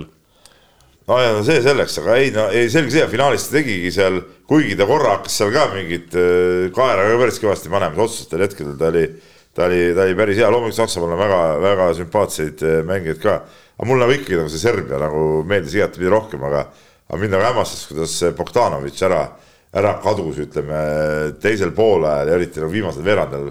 ta nagu oli platsil, aga tegelikult ta nagu ei olnud platsil, et, et see oli nagu noh, üldse nagu ei tulnud välja temasuguse tasemega mängija, eks ole, siis lõpuks mingi Abramovitš pidi seal üksi tassima. imet tegema üle oma võimete natukene isegi. üle oma leveli mängis igal juhul nagu tegi väga kõva, ülikõva mängu nagu igal juhul, et, et ja, ja kuidas nende Serbia pikad ära kadus ja, ja mis mind veel nagu hämmastas. aga eks siin oli sakslaste head tööd selles ei, ikkagi. Okay. aga mis mind hämmastas, kui sa vaatasid seda Serbia rünnakut, eriti võtta viimane veerand aeg või no, aga mitte midagi nagu ei toimunud ka, et nagu äh, siukest, niisugune kõva treener oli pingi peal nagu, eks ole, Pessic, et nagu siukest nagu mingit selget, äh, no ma ei tea, mingid mingid play'sid nagu üldse ei tehtud, põhimõtteliselt nagu seisti seal ja, ja täitsa kinni oli see mäng, noh. täiesti kinni oli noh et, et sihuke mind hämmastas see nagu väga. Just nagu sihukest Serbia või eks-Jugoslaavia seda, seda koolkonda nagu vaadates, et et, et ei olnud nagu seda distsipliini õiget või, või sihukest jah, selget nagu nägemust, kuidas seda mängu üldse võita. aga no eks minu arust lõpuks oli see lõpulahendus ses mõttes loogiline, et, et ega Saksamaal ongi seda talenti natuke rohkem seal selles satsis, et, et seal ja, ja eriti kui veel Serbial mingid mehed vajuvad ära, nii nagu no, Marko Kuduritš näiteks on ju. no Kuduritš äh, näiteks on ju, nii ja, otsustavatel ja, hetkedel kui ka tegelikult terve mängu kontekstis. no vaata, mis ta seal lihtne see veaga leiab, mille oleks pidanud ära panema, siis. kolmene, mis oleks viigi toonud ja, ja vale sööt ka veel. aga ka läbi mängu, et see Bogdanovitš jäigi nagu ja, suhteliselt ja. üksi pigem, et, et, et noh, need Avramovitšid ja Dobritšid, kes sai küll vigastada, eks et noh, nad ei olegi sellised nagu noh, nad ongi nagu sellised rollimängijad natukene, et ma arvan, et Bogdanovitš jäi seal natukene üksi, kui, kui teised Serbia nagu nii-öelda liidripotentsiaaliga mehed noh, ei kandnud välja selles ja. Äh, finaalis, et see teeb ka sellel ühel liidril nagu elu raskemaks mõnes mõttes ikkagi. ja Schröder tegi ka päris head kaitset äh, ka individuaalselt ta vastu. ja ei, seda küll, ta. nii et tuleb. sama Abramovitš tegi omakorda väga head kaitset jälle, lisaks rünnakule aga otsustaval hetkel, nagu nägid, hea rünnak on ikkagi vähemalt üks-ühe vastu sellest heast kaitsest enamasti üle. aga ja. Äh, kiirelt veel siia saatuse lõppu, kas äh, saame rääkida ajastu lõpust, kui Eesti neljapaat, äh, ma saan aru, sõitis ennast vist tervikuna täiesti pildituks maailmameistrivõistluste B-finaalis, aga, aga ikkagi esimesena jäädi olümpiapiletita nüüd on siis. kas mingi aeg hakkab ümber saama ilmselt? ei no see, see aeg on kindlasti Ammu juba ümber, on ja, ja, ja tegelikult ta juba on ümber. ma ise kirjutasin, ma ise kirjutasin ju Tokyos äh, äh, loo äh, pärast seda olümpiasõitu, kuidas noh nüüd ongi nagu see neljapaat on nagu lõpetab sellisel kujul, eks ikka Just. mingid mehed ikkagi üritasid, üritasid, aga noh, okei okay.. ja ma, ma olin ju ka seal ja, ja siis tegin ka kellegagi seal intervjuu ja ütles, ütles sedasama, aga tegelikult, kui, kui mehed on nüüd nii kaugele jõudnud neil oleks vaja nüüd noh, äkki, äkki nad mõtlevad veel pingutada, sellepärast et saate aru, see sõudmine kaob meid pildilt ära, kui Täist. meid ei ole olümpial. ja, ja, ja võtta veel ja pingutada need kolmveerand aastat mis on siis nüüd e-, esime-, esmalt selle esmalt siis kevadeni on vaja pingutada, et oleks siis tekib, siis tekib jälle seesama olukord, mis oli Tokyo olümpial ja millest nad seal ka rääkisid. Nad pidid olema kaks korda vormis, tippvormis pidid olema kevadel ja siis äh, suvel olümpial. Ja mina arvan jälle, et, et kas need vanad mehed, no nad ei suuda kaks korda vormis olla, kui nad tahavad ennast kevadeks tippvormi, siis nad ei suuda enam olümpial olla tippvormis, et no see ei tundu realistlik. jah, vot ma nüüd siis ei tea, mida mehed otsustavad, just Hendrikson ja Allar Raja. no nendest käibki jutt, ega siis noh, ja kui neid pole, siis ei ole nagu üldse midagi rääkida. ja, ja kus, ei kusjuures ma ei tea, kas need kaks noort meest ei suuda kahe paati nii kokku panna, et sellega pürgida olümpiale ei no seda teine. seda ma ei tea. kui me räägime nüüd neljapaadist, eks ole. ja, jah, ja, ja aga, aga neljapaadiga on jah, tegelikult oli aeg ümber juba eh, Tokyos aga hea, et nad siiamaani venitasid. aga noh, hetkel on praktiline küsimus, kas Hendrikson Raja leiavad tahtmist, stiimulit, motivatsiooni, no vähemalt pool aastat alustuseks veel sportlase elu, tippsportlase elu, ma täpsustan, elada. mõlemal on ikkagi nagu ammu juba tundub, et muud tegemised ja, ja, ja nii-öelda muud, muud horisondid ees. no just, aga, aga tegelikult, kui me, kui me vaatame, kui nad tõesti tippvormi ajavad, noh ütleme seal neljapaadi sõudmises see üks pronks veel ära tuua, kui nad võtavad selle eesmärgiks, poisid, proovime jah, aga noh, reaalsus on see, et selle MM-i pildi järgi noh, nad on ikkagi see nagu liiga lähedal ja käeulatuses nüüd ei ole. jah ja. nii, aga laseme kõlli. kiire vahemängu alustuseks ja mis tegelikult tulebki tõesti kiire, kiirelt teha, siis äh, kui eelmise saate osa lõpetasime vanameestega, siis, siis nüüd räägime noortest, kuueteistaastane Ene-Li Jefimova võitis juur-, juunioride ujumise MM-il täiskomplekti medaleid ja kaheksateistaastane Oliver Ojakäär US Openil noorteturniiril paarismängus esikoha rootslasega koos. kui nüüd Jefimovast alustada, siis ta oli ääretult pettunud, et tema põhidistantsil ehk siis sajas meetris äh, tuli kõigest hõbe. Ja, ja ma, ma ei ole nüüd äh, kuulnud, mis, aga treener oli ka nagu natuke hämmingus, ütles, et see ujumine ei olnud see, mis tegelikult oleks no, tehniliselt nässu, ma saan aru. jaa, tehniliselt läks nässu, aga no, no ta tähendab... ju päris sekundit mitte, aga, aga ikkagi üle poole sekundi nii-öelda enda võimetest aeglasemalt. jaa, aga, aga ütleme nüüd niimoodi, eks, et, et me räägime kuueteistaastasest, eks, ja, ja noh, see, seal ei ole mitte mingis minu meelest kahtlust, nii kaua kui ta ujumisega edasi tegeleb, siis, siis ta saab ainult paremaks minna ja tegelikult niisugused vahepealsed pettumused on, võivad tulla kasuks, jah. nii, aga Oliver Ojakäärust, no selle kohta ei oska midagi öelda, see meestetennis on ikka nii räme räme ala, et, et seal loota nüüd see, et, et sul mingi paarismängu võiduga, see ennustaks nagu mingit suurt tulevikku. Kennet no. Raismaa, ma saan aru, on sama asja suutnud. ju, ja, ja, ja, ja, ja nüüd on kadunud. ei, ta, ta, ta ongi treener ju jah, noor mees ja Ojakäru treener no.. nagu selles mängijana ei tulnudki nagu midagi. jah, aga, aga sam samas tähendab ikkagi, vaata see Raismaa ju võitis koos Tsitsipasega ja kus on Tsitsipas nüüd, eks, aga, aga samas eh, üks, eh, esiteks, paarismängu võit ei anna mingit kindlust, aga tei-, teine asi on see, et midagi ta siiski näitab, et kui poiss kõvasti tööd teeb, tal ta, talenti on, ta võib kuhugi jõuda. aga omamoodi talent on meil ka FC Levadia jalgpallimeeskonna hispaanlasest peatreener Curro Torres, kes hiljutises mängus FC Flora vastu vist oli juba kolmekümnendal minutil eemaldati väljakult kuna käitus seal kohtunike suhtes agressiivselt, see ei olnud tal viimase aja voorudes ka esimene kord eemaldatud saada. ja, ja ma saan aru, et mees pärast veel äh, eiras mingil määral seal kõiki neid äh, keelde seal kohapeal ehk et juhendas meeskonda kuidagi edasi, siis veel meedias valas ka õli tulle, kuidas talle ja meeskonnale liiga tehakse ja tulemuseks siis sai ta karistuseks lisaks sellele automaatsele ühe mängu keelule kolm mängu veel, nii et kokku neli mängu peab platsilt eemal olema no, sinu partei mees, Peep. no selles suhtes ma nagu seda lisakaristust küll ei mõista nagu, et noh, mängu juurde, no väike show tal, no mis tast olla seal, noh, keda ta segab siis. kohtunikud nii vedelad vennad, et ei julge olla, kui sihuke agress, nii-öelda agressiivne treener on seal jalkaväljaku ääres või jaa, aga. no Peep, sinult ei oleks oodanudki nagu teistpidi. ei nojah, ma mõtlesin nii suur ka, et ega see midagi seal peakohtunik ei kuule, kui talle hüütakse midagi. jaa, aga, aga minul on teine küsimus, kui, kui praegu käib ikka nii, niivõrd tihe võitlus selle Eesti meistritiitli pärast ja see, sa oled selle satsi peatreener, siis sa peaksid suutma ennast niivõrd palju tagasi hoida, et sind ei eemaldataks neljaks mänguks.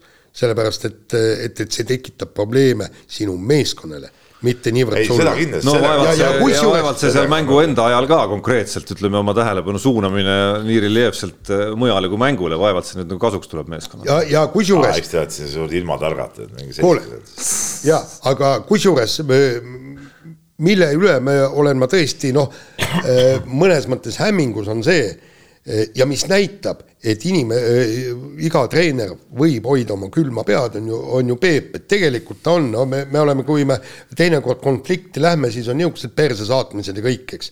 Eh, noh, paar-kolm minutit ja kõik, aga et, et sa suudad seal treenerpingil vähemalt seda külma pead hoida, et sind iga mäng nagu minema.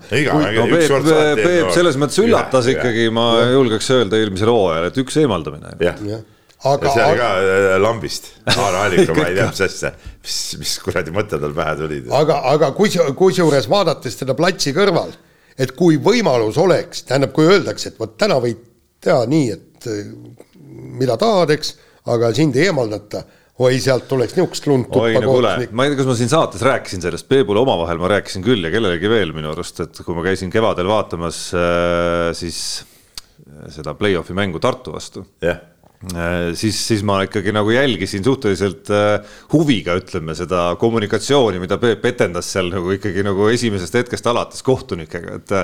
et nagu mulle tundus, see oli kõik väga teadlik ja strateegiline seal, mis hetkel, isegi kui ta nägi ja nägi mitmel korral, et tal on tegelikult ajab täielikku jama seal, ütleme.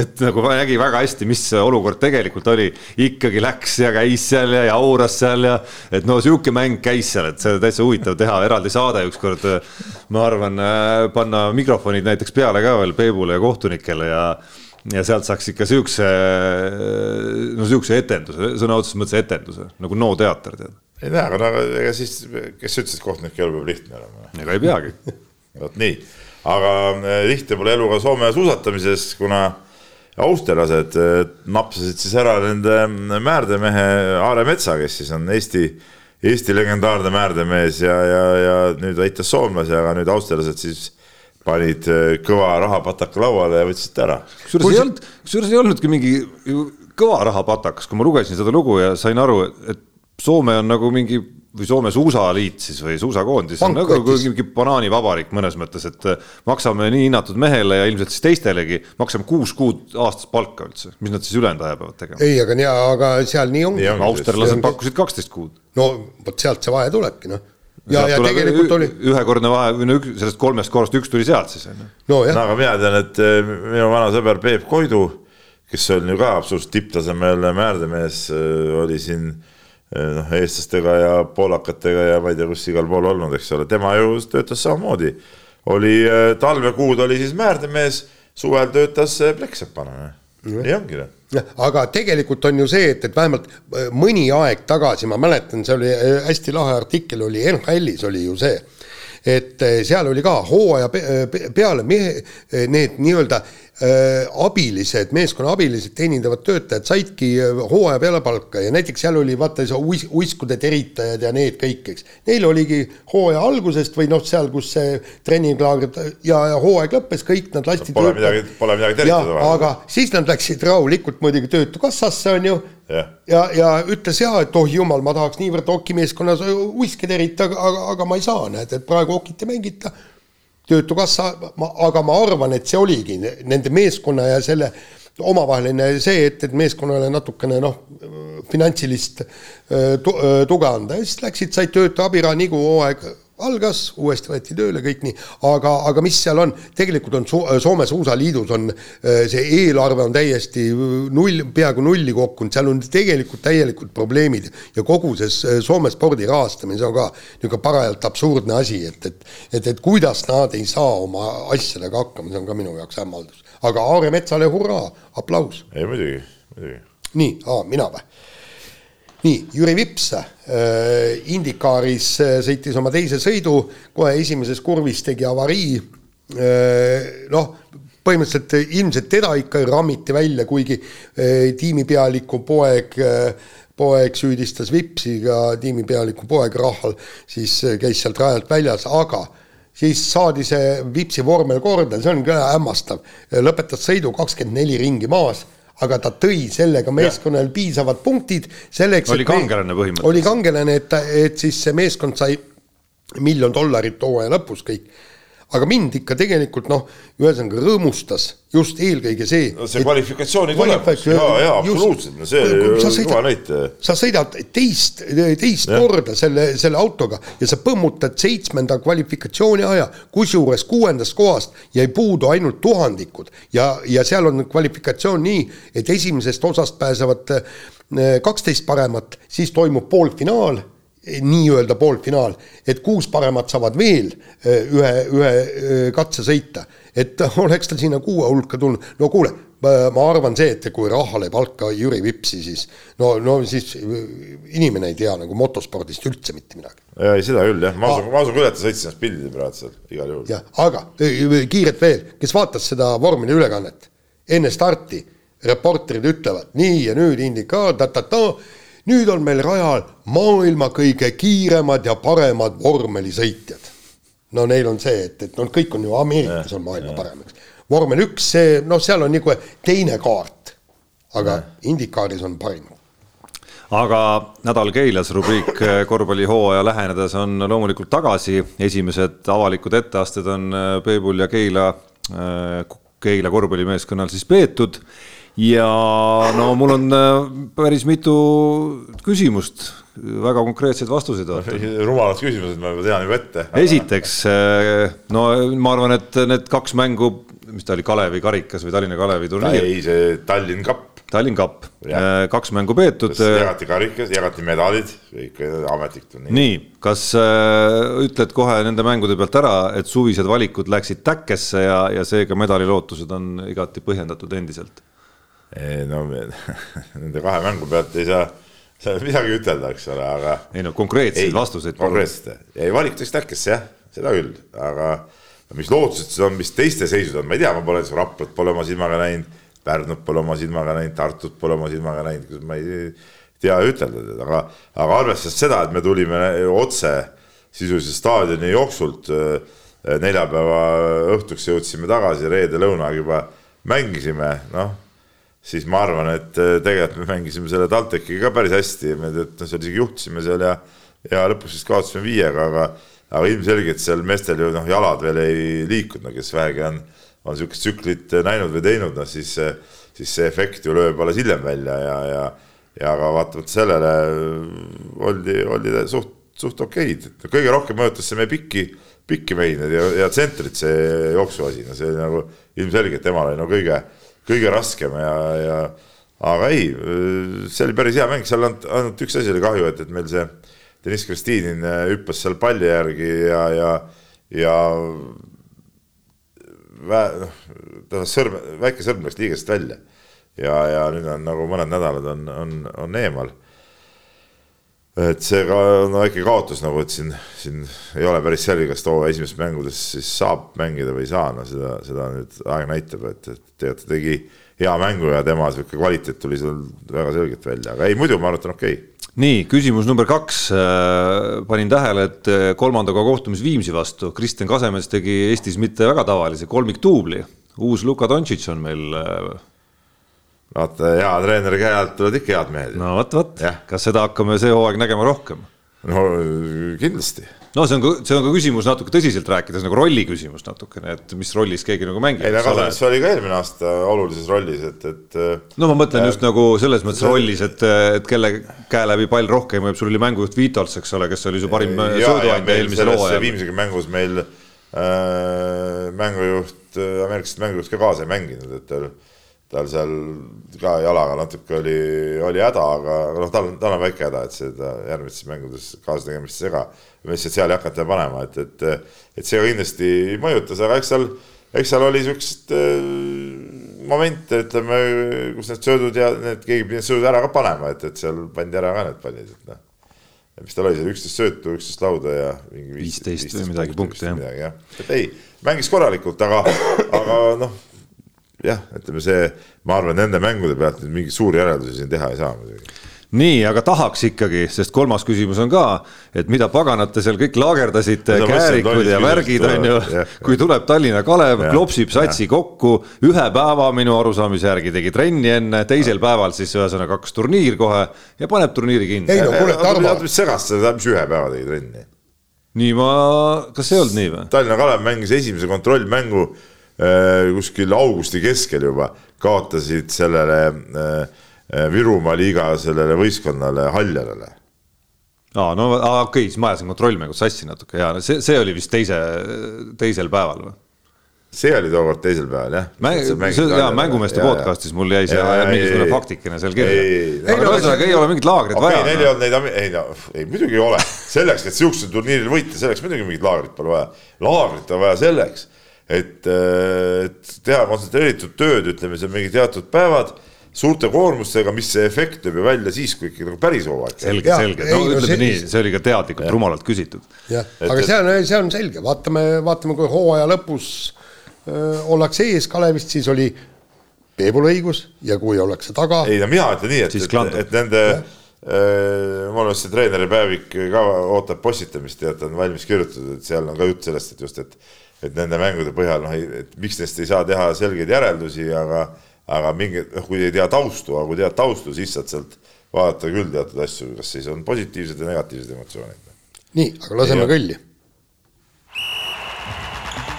Unibetis saab tasuta vaadata aastas enam kui viiekümne tuhande mängu otseülekannet. seda isegi mobiilis ja tahvelarvutis. Unibet, mängijatelt mängijatele nii Rubinniku mees otsustas, et teeb meil elu keeruliseks, keeras kogu lüli maha. kontrollib meie kõrvakuulmist. vanameeste kõrvad ikka töötavad, aga töötasid. kuulsime mingit äh, hiire piuksumist siit kuskilt laua alt ikkagi. nii, no nagu tellitud igatahes ja lubatud täpselt punkt kell kaksteist äh, ilusti Unibeti hooldustööd said tehtud, jõudsid juba. ei, ma põhimõtteliselt ei hakanud panema Ma... Jaan, kuidas läinud, ma ei hakka Peebu valinat. ei, ei. tähendab, kes niisugused, niisugused äh, jamaga tegelevad, siis ma sa pidid, äh, sa pidid äh, ralli peale panustama, ma mäletan. tegid seda ka. õnneks unustasin ära, mul läks meelest ära. oot, oot, mul tuli enne, enne kui sa lähed selle ralli peale. Tarmo, sa esitasid nagu kolm niisugust rumalavõitu küsimust nädala Keidus rubriigis. aga põhiasjast sa just ei rääkinudki. millest?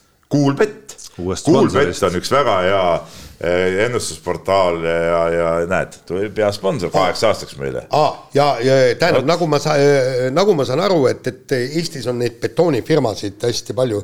Unibet, eks ju, universaalbetoon ja, ja Kuulbett, see on siis külmbetoon, eks ju. no põhimõtteliselt küll, jah. jah ja., külmbetoon ja et, siis äh, Tonibet, eks siis keegi Toni. keegi Toni siis ja tema betoneerib asju. no uue sponsori tulekuga ma arvan, et äh, kui me seni panime ikkagi nagu lati sinna noh, et medal on okei okay,, siis me peame nüüd ikkagi seda medali värvi hakkama ka rihtima Jaaniga siin nagu täpsemaks ikkagi vist. ei no üldiselt ma saan aru, et te olete ka nagu natuke aga kuidas siis on, kuule, aga nüüd aga... pappi, pappi tuli, kas peatreeneril on nüüd Mersu ja äh,? mis Mersu, Bentley.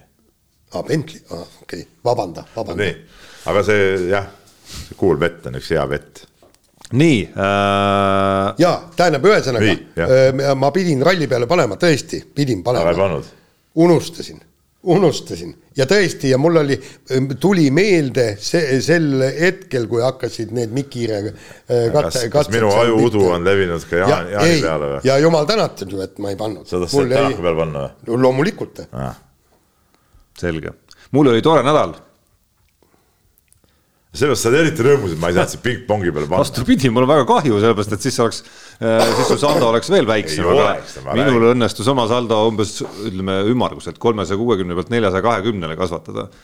Äh, millesse suurima panuse andis siis, seda sa Peep tead juba, see oli MM-i poolfinaal, Saksamaa võit USA üle. Äh, vist mingi mingid suvasummad olid seal, mis komakohtadega mul kuskilt täisnumbrist olid üle, siis ma panin kaheksa koma midagi eurot sinna, koefitsient oli viis koma midagi ja olemas ja siis äh, üks väiksem võit oli, et Eesti võrkpallikoondis ei võida üle ühe game'i Belgia vastu. ja viimane oli Kanada võit pronksimängus äh, USA üle kus, ka nagu, kus ka tundus, et äh, suhteliselt imelik, et, äh, et Kanada koefitsient oli seal midagi kolmega, et tundus selline täitsa fifty-fifty mäng antud olukorras. Või isegi ma oleks arvanud, et Kanada natuke on soosik. nii. mina panin, meil oli satsi sees väike ennustusvõistlus, mina panin ka Kanada peale sellest, mul, ma arvasin, et USA ei viitsi seda pronksi mängu eriti mängida ühe euro ma olen sellest nüüd ära kulutanud saate ajal, ehk siis ikkagi meie peatoimetaja soovitusel panin üks, ühe, euro, üks, üks, koefitsient oli kakskümmend üks. see on täitsa. no aga nii vähe panna, aga nagu. ei no sa võid minna rohkem panna. no pärast panen, et aga, aga see euro maksab meil välja, kui me kaotame. ei no see on ikka meie otsus, see on osa vastutustundlikust mängimisest, et sa ise ikkagi nagu nii-öelda mängid, mängid ikkagi nagu oma, oma riisika. mingit vastutustunnet ei ole, kui mängime, siis paneme silmad kinni. Olgu nii, lähme kirjade juurde, Andres Tali kirjutab meile ja, ja kirjutab nii, et, et tal on tekkinud selline küsimus, miks korraldatakse viimasel ajal kõik või siis enamus spordiüritused mitmes või siis mega mitmes riigis et milleks, ilmselt tuleb odavam, eks ole, jah, võib-olla loogika on olemas, aga härrad rohepeded ei mõtle sellele, et iga lennuki start, lennuki sõit, lennuki maandumine, bussiga reisimine edasi saastab selle mitmekordselt tagasi. No.. ei no see, see on selge, aga, aga nagu mina aru saan, miks on mitmes riigis, on ju see, et need korraldustasud. palju me, see võrkpalli naiste EM-i finaalturniiri oli seal mingi viissada, kuussada tuhat, eks nii.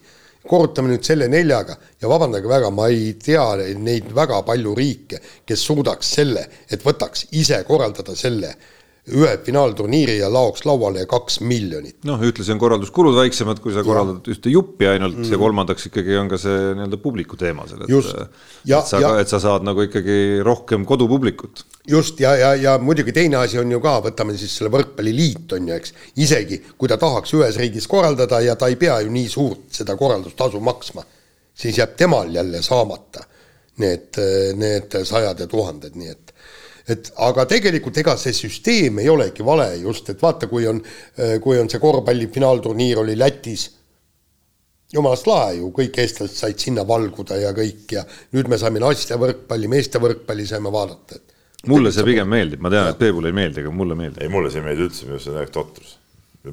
olemuslikult, võistlus toimub siin, mitte siin, siin, siin, see pole mingi võistlus.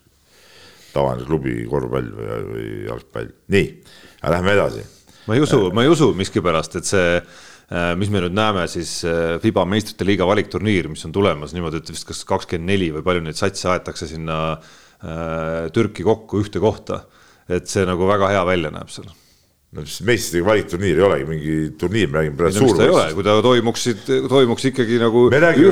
iga turniir toimuks, seal on erinevad turniirid, mis on kokku pandud. praegu suurvõistlusest. vahet ei ole, mudel jääb samaks ikkagi. olümpialinn on näiteks äh, Pariis, siis kogu olümpia peab toimuma seal.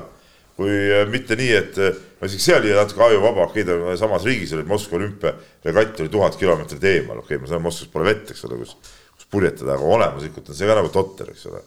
et, et et ikkagi ühes, ühes, vähemalt ühes riigis peaks need asjad toimuma. Noh. miks? miks, seepärast, et see, see mm toimub seal.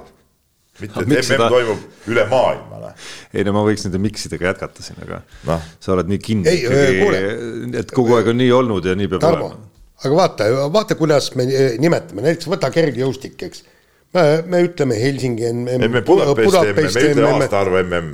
jah no., aga, aga kuidas, kuidas sa korvpallis, kus see äh, korvpalli MM toimus siis nüüd? milline?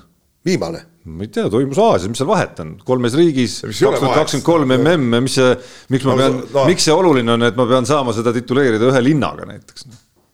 niimoodi kuradi alati öeldud. no vot, jõudsimegi sinna, et sellepärast, et nii on alati olnud lihtsalt. selle järgi võistlusi pannaksegi ju noh kuna nii on alati olnud. no sa ei ütle ju ka ju, ma räägin olümpia ka, no sa ütled ju selge olümpialinna ütled, sa ütled selle linna järgi selle, sa ei ütle ja, ju ja..., ju eh, seal kahe tuhande teise aasta olümpia, sa ei ütle niimoodi. ma ei tea, ma eelmise aasta Kossu EM-ist räägin toimus ka no,.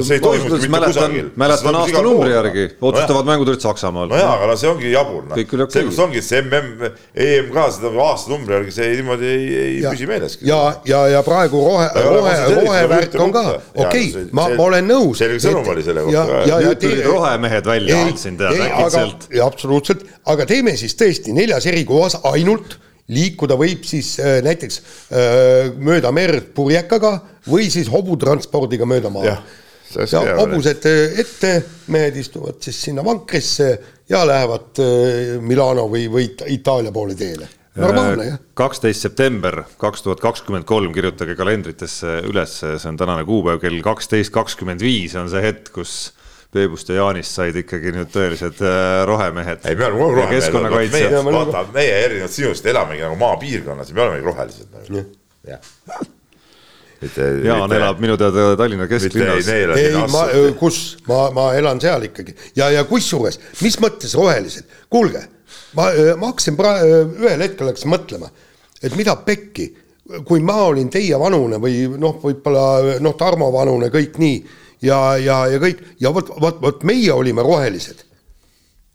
meil oli näiteks äh, lapsemähkmed, Marlist mähkmed, ei ole midagi niimoodi, et äh, situb täis, viskan minema see, meil oli säästlik, võtsime, pesime need mähkmed ära, eks, kuna meil sooja vett ei olnud, no okei okay,, pliidil soojendasime, elektrit ei Kastrolis. ja Kastrolis. vett kulutasid? vett kulutasin ja aga, aga kõik nii. pärast sa selle vee nagu vetsupotist alla valad, sa ei pidanud vett raiskama jah, ja näiteks me, mul siis, kui ma olin, meie saime esimese külmkapi, ma olin vist kaksteist, kõik sinnamaani me suutsime säilitada kõik toiduained ilma, ei kulutanud elektrit. absoluutselt, mõtle no. veel, kui roheliselt elas sinu vanaema, vanaisa no, ja täpselt, sealt veel varem. just täpselt. No., ei, aga, aga isegi see ja kui keegi tuleb mulle ütlema, et, et ma ei ole roheline, kogu mu noorus oli roheline, kurat küll ma ei sõitnud mingi transpordiga, ei sõitnud trenni ega midagi, mul vanemad autoga, autodega ei viinud. me peame jalgratta, ma siin Soome kelgu isegi no, talveti. ei, absoluutselt. suuskedega? jah, ainult ühistransport ja kõik. kuhu need harjumused kadunud on? ei no mis mõttes harjumused, ma, ma elan maal, ma käin see üks kord nädalas käin linnas, kõik ülejäänud, kõik on. mitte ühistranspordiga?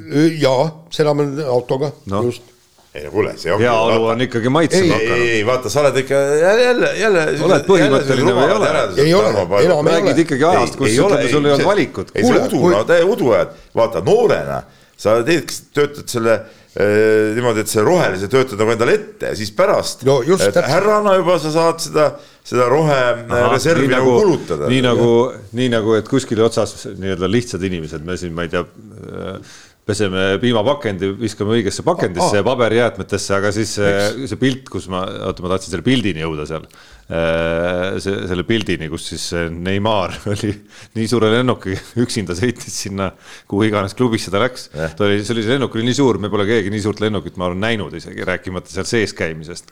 millega sõidutati Neimar üksinda sinna siis nagu sinna šeikide juurde kohale eh?. Et, et noh, ta on jõudnud lihtsalt nagu veel kaugemale. ta on veel kaugemale jõudnud või? kuule.